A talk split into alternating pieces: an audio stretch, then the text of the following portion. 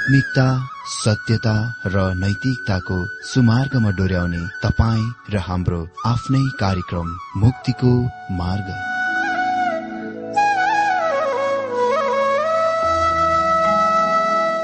आदरणीय श्रोता यस मुक्तिको मार्ग कार्यक्रममा हार्दिक स्वागत छ।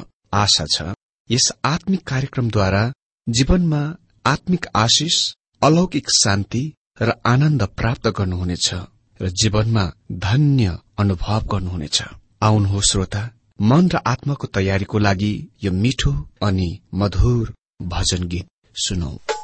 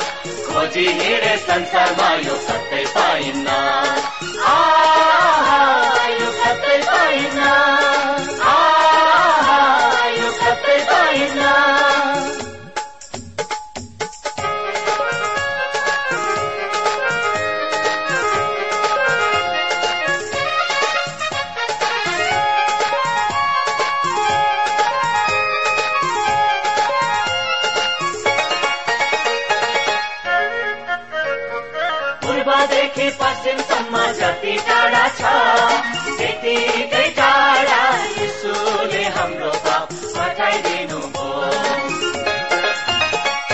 पूर्वदेखि पश्चिमसम्म जति टाढा छ त्यतिकै टाढा यीशुले हाम्रो पाप हटाइदिनु भयो अन्धकारदेखि उज्यालोमा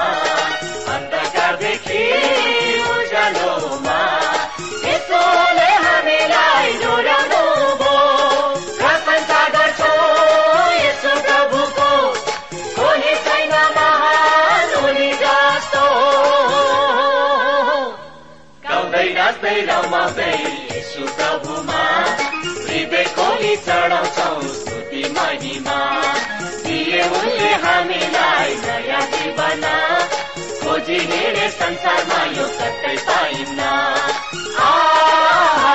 यो कतै पाइन्न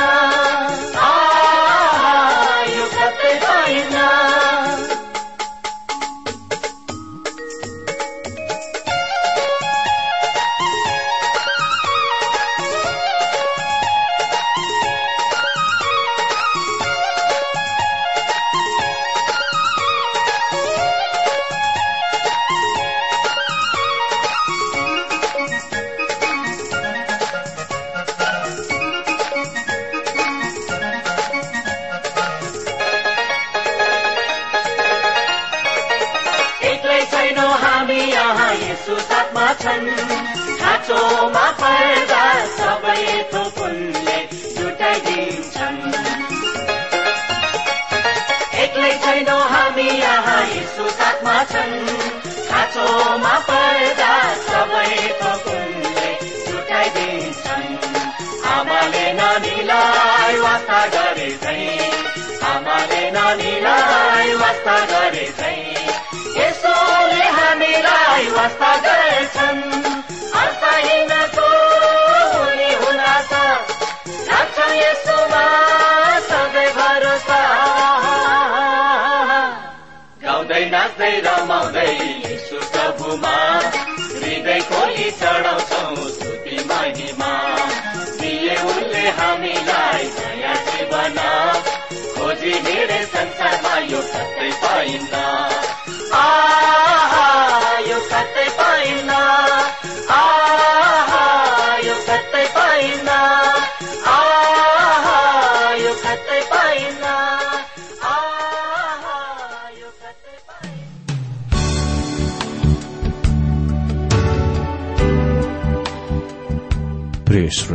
यो प्रसारण मार्फत यो अवगत गराउन चाहन्छौ कि प्रभुको सेवाको लागि यहाँहरूको साझेदारी नित्यन्त आवश्यकता छ। यहाँहरूले प्रार्थनाको साथसाथै आर्थिक सहायता गर्न अनुरोध गर्दछौ।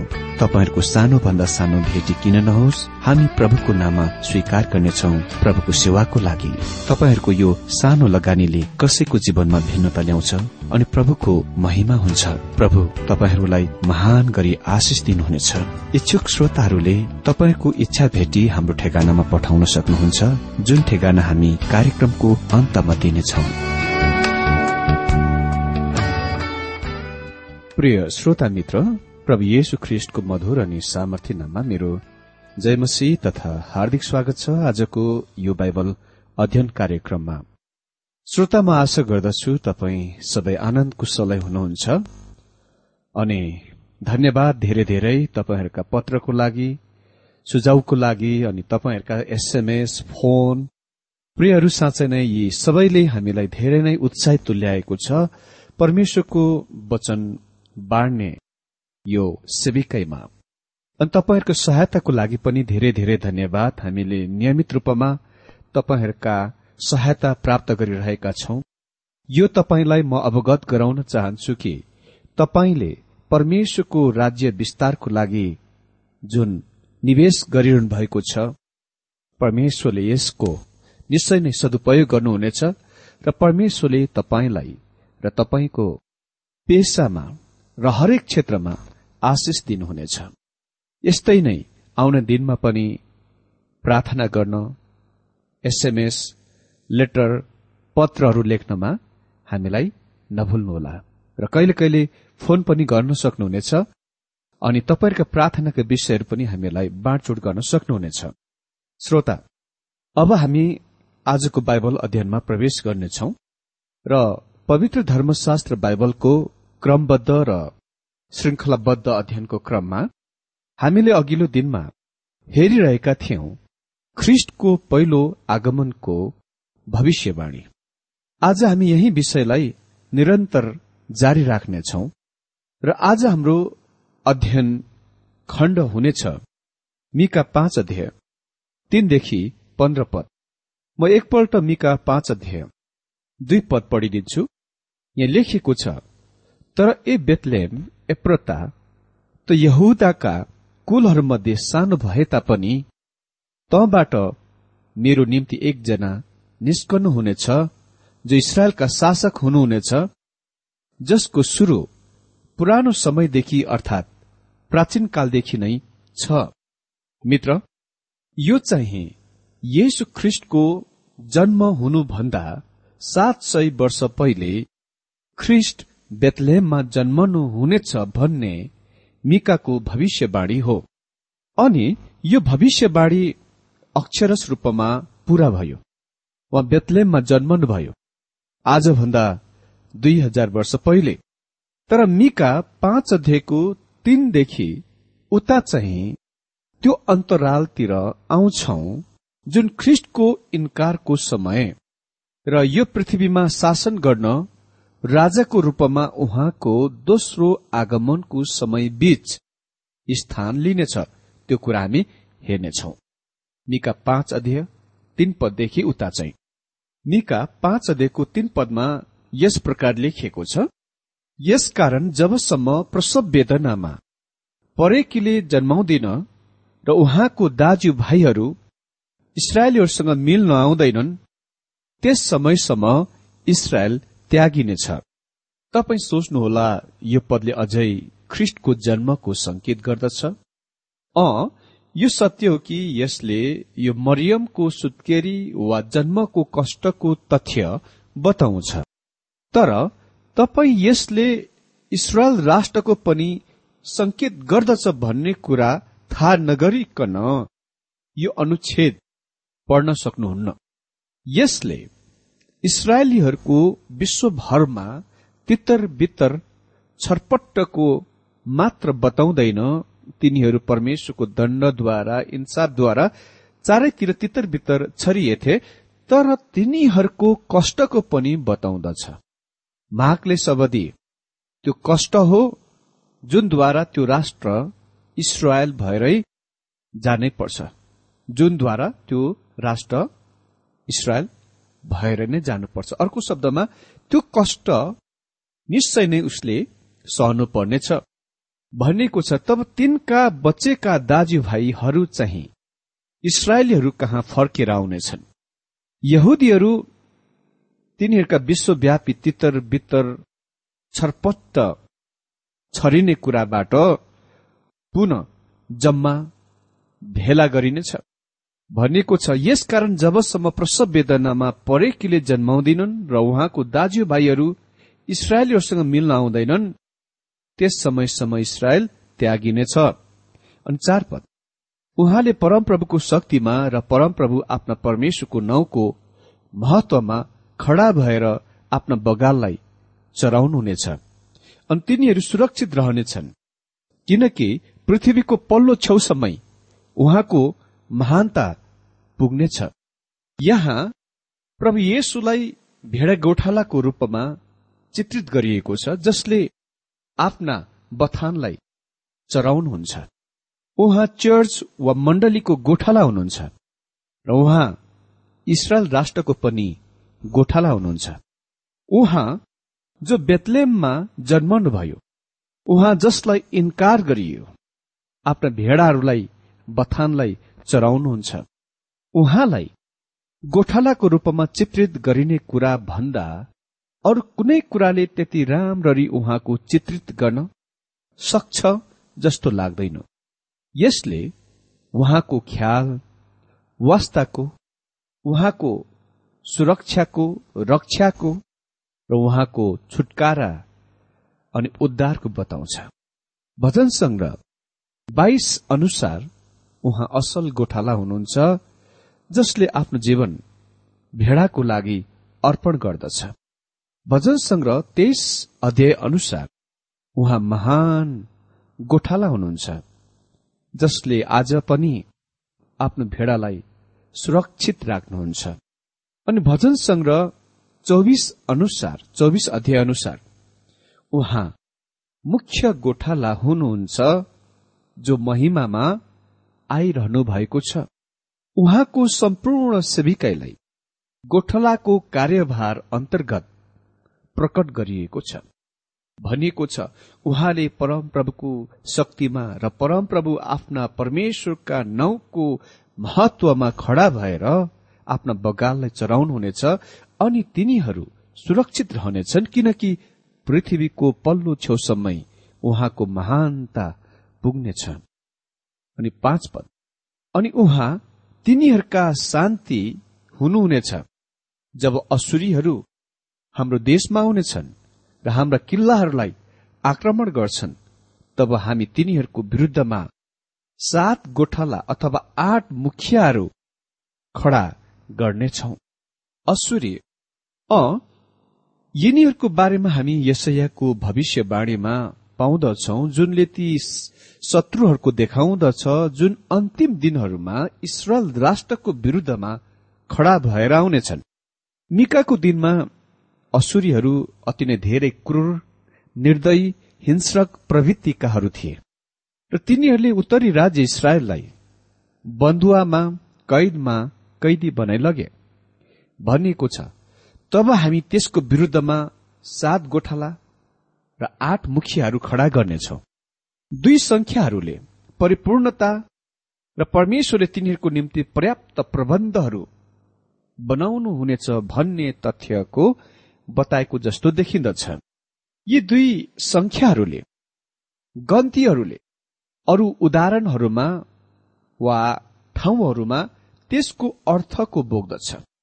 जस्तै हितपदेश छ अध्यय सोह्र पद उपदेशक एघार अध्ययको दुई पद अनुसार भनिएको छ छ पदमा।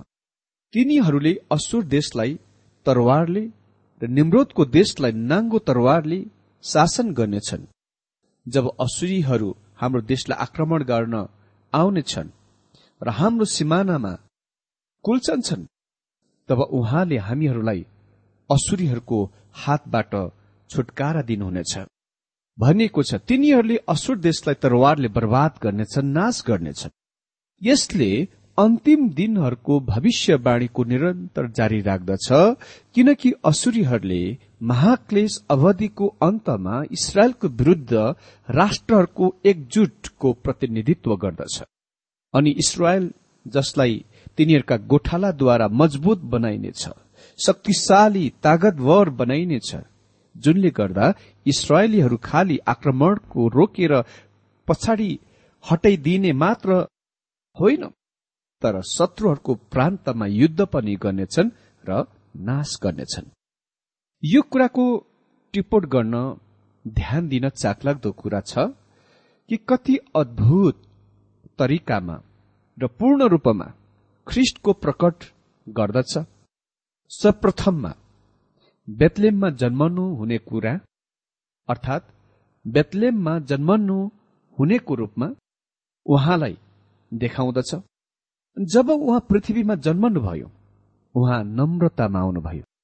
हामीले यो कुराको ध्यान दिन आवश्यक छ। उहाँले आफैलाई दिन र नम्र बनाउनुभयो फिलिपी दुई अध्यायको पाँचदेखि आठ पद अनुसार हामी आफै स्वयंलाई नम्र बनाउँदैनौ। कहिले कहीँ अरू मानिसहरूले हामीलाई नम्र बनाउँछन्। त ख्रिस चाहिँ आफै स्वयं आफैलाई दिन र नम्र बनाउनुभयो ख्रिस्टले आफ्नै आफैलाई रित्तो पार्नुभयो हजुर कुन कुरा चाहिँ उहाँले आफूबाट रित्तो पार्नुभयो त? मित्र त्यो उहाँको ईश्वरत्व होइन। त्यो सानो बालक बच्चा जो आफ्नो आमाको काखमा अति नै धेरै असहाय रूपमा सहारा लिइरहनुहुने अडेस लागिरहनुहुने बालकले यस विश्व ब्रह्माण्डलाई अस्तित्व रहित हुन सकोस् वा हटी जान सकोस् भनी वचन मात्र दिनुभए त्यही नै हुने थियो। उहाँ सय प्रतिशत परमेश्वर र सय प्रतिशत मानिस हुनुहुन्छ। वा मानव अवतारमा आउनु भएको परमेश्वर स्वयं हुनुहुन्छ। तर उहाँले आफैलाई सीमित पार्नुभयो। आफै स्वयंद्वारा सीमित गराई कुनै त्यस्तो कुरो थियो जुन उहाँले स्वैच्छिक रूपमा गर्नुभयो हामी आफै स्वयंलाई स्वैच्छिक रूपमा सीमित गर्दैनौ। वास्तवमा भन्नु नै पर्दा हामी आफैलाई बढाउँदछौ। हामी सर्वोच्च सर्वोत्तम हुन चाहन्छौ। मानिस स्वयं मात्र धेरै वास्ता ख्याल गर्ने हो। ऊ स्वार्थी हो। तर येसु ख्रिस्ट गोठाला हुनुहुन्छ। उहाँ राजकीय सहर वा राजधानीमा जन्मनु भएको थिएन तर अति नै अमहत्वहीन बेतलेमको गाउँमा अनि पशुहरूको गोठमा जन्मनुभयो त्यो राजाको लागि जन्मने स्थान होइन। जब ख्रिस्ट प्रभु पृथ्वीमा आउनुभयो उहाँले आफ्नो महिमा आफैले रित्तो गर्नुभयो दोस्रो कुरा मिकाले संकेत गर्दछन् उहाँ अनन्तकाल सनातन हुनुहुन्छ।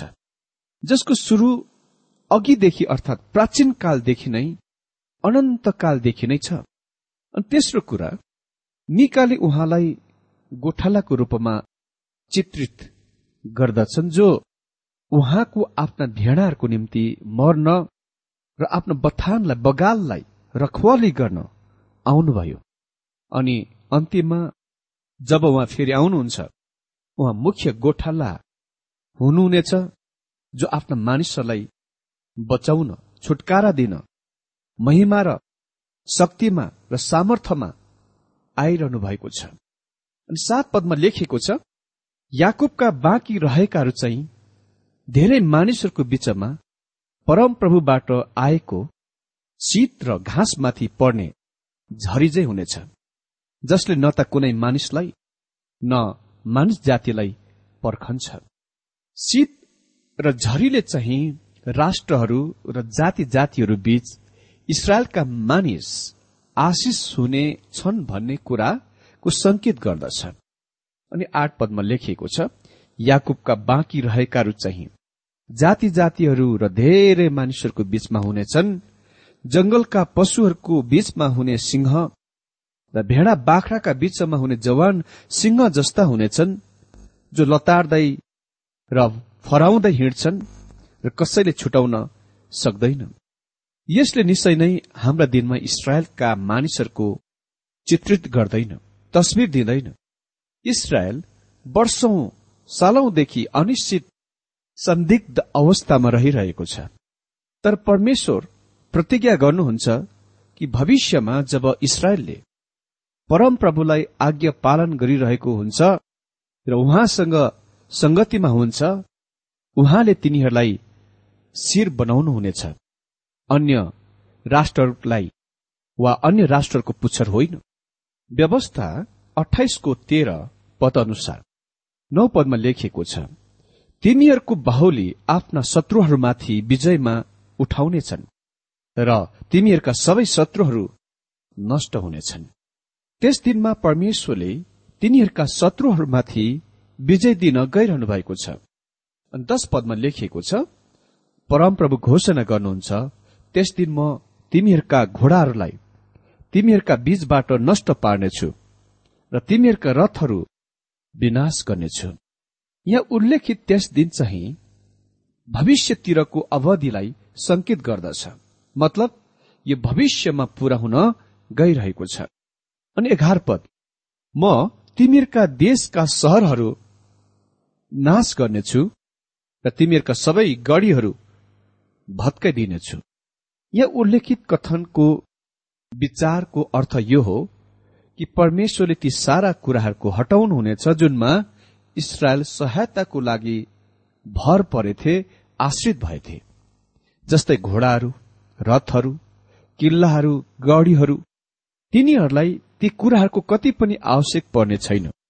किनकि तिनीहरूका मसिहाले पृथ्वीमा शान्ति ल्याइरहनु भएको छ। बाह्र अनि तेह्र पदमा यस प्रकार लेखिएको छ म तिमीहरूको तन्त्र मन्त्र नष्ट पार्नेछु र तिमीहरूले फेरि कहिले झारपुक गर्ने छैनौ। म तिमीहरूका बीचबाट खोपिएका मूर्तिहरू र चोखा ढुङ्गाहरू नष्ट गर्नेछु। तिमीहरू फेरि कहिले आफ्ना हातले बनाएका कुराहरूका अघि झुक्ने छैनौ। उहाँले प्रतिमा पूजा र झुट्टा धर्महरूको खत्तम गर्न गइरहनु भएको छ। तिनीहरूले खालि जीवित र सत्य परमेश्वरलाई मात्र आराधना गर्नेछन्। अनि चौध पदमा लेखिएको छ म तिमीहरूका बीचबाट असेरा देवीका प्रतिमाहरू उखेलेर फ्याँकिदिनेछु र तिमीहरूका सहरहरूलाई भत्काइदिनेछु। उहाँले पूर्ण रूपमा प्रतिमा पूजाको तिनीहरूको बीचबाट हटाइदिनुहुनेछ अनि पन्ध्र पदमा मेरा आज्ञा नमान्ने जाति जातिहरूलाई म म मेरो रिस र क्रोधमा साटो लिनेछु। यहाँ उल्लेखित जातिहरू चाहिँ ती राष्ट्रहरू हुन् जसले उहाँका जनहरू मानिसहरूलाई सताइरहेका छन्। मसिहाले इसरायलका बाँकी बचेकाहरू कहाँ र उहाँ कहाँ फर्कने जातिहरू र राष्ट्रहरूका बाँकी बचेकाहरू कहाँ चाहिँ शान्ति र आशिष ल्याउनुहुनेछ? तर उहाँले आज्ञा नमान्ने जातिहरूलाई म मेरो रिस र क्रोधमा साटो लिनेछु भन्नुहुन्छ। अनि म विश्वास गर्दछु यसले महाक्लेश अवधिको संकेत गर्दछ जुन भविष्यमा आउन गइरहेको छ।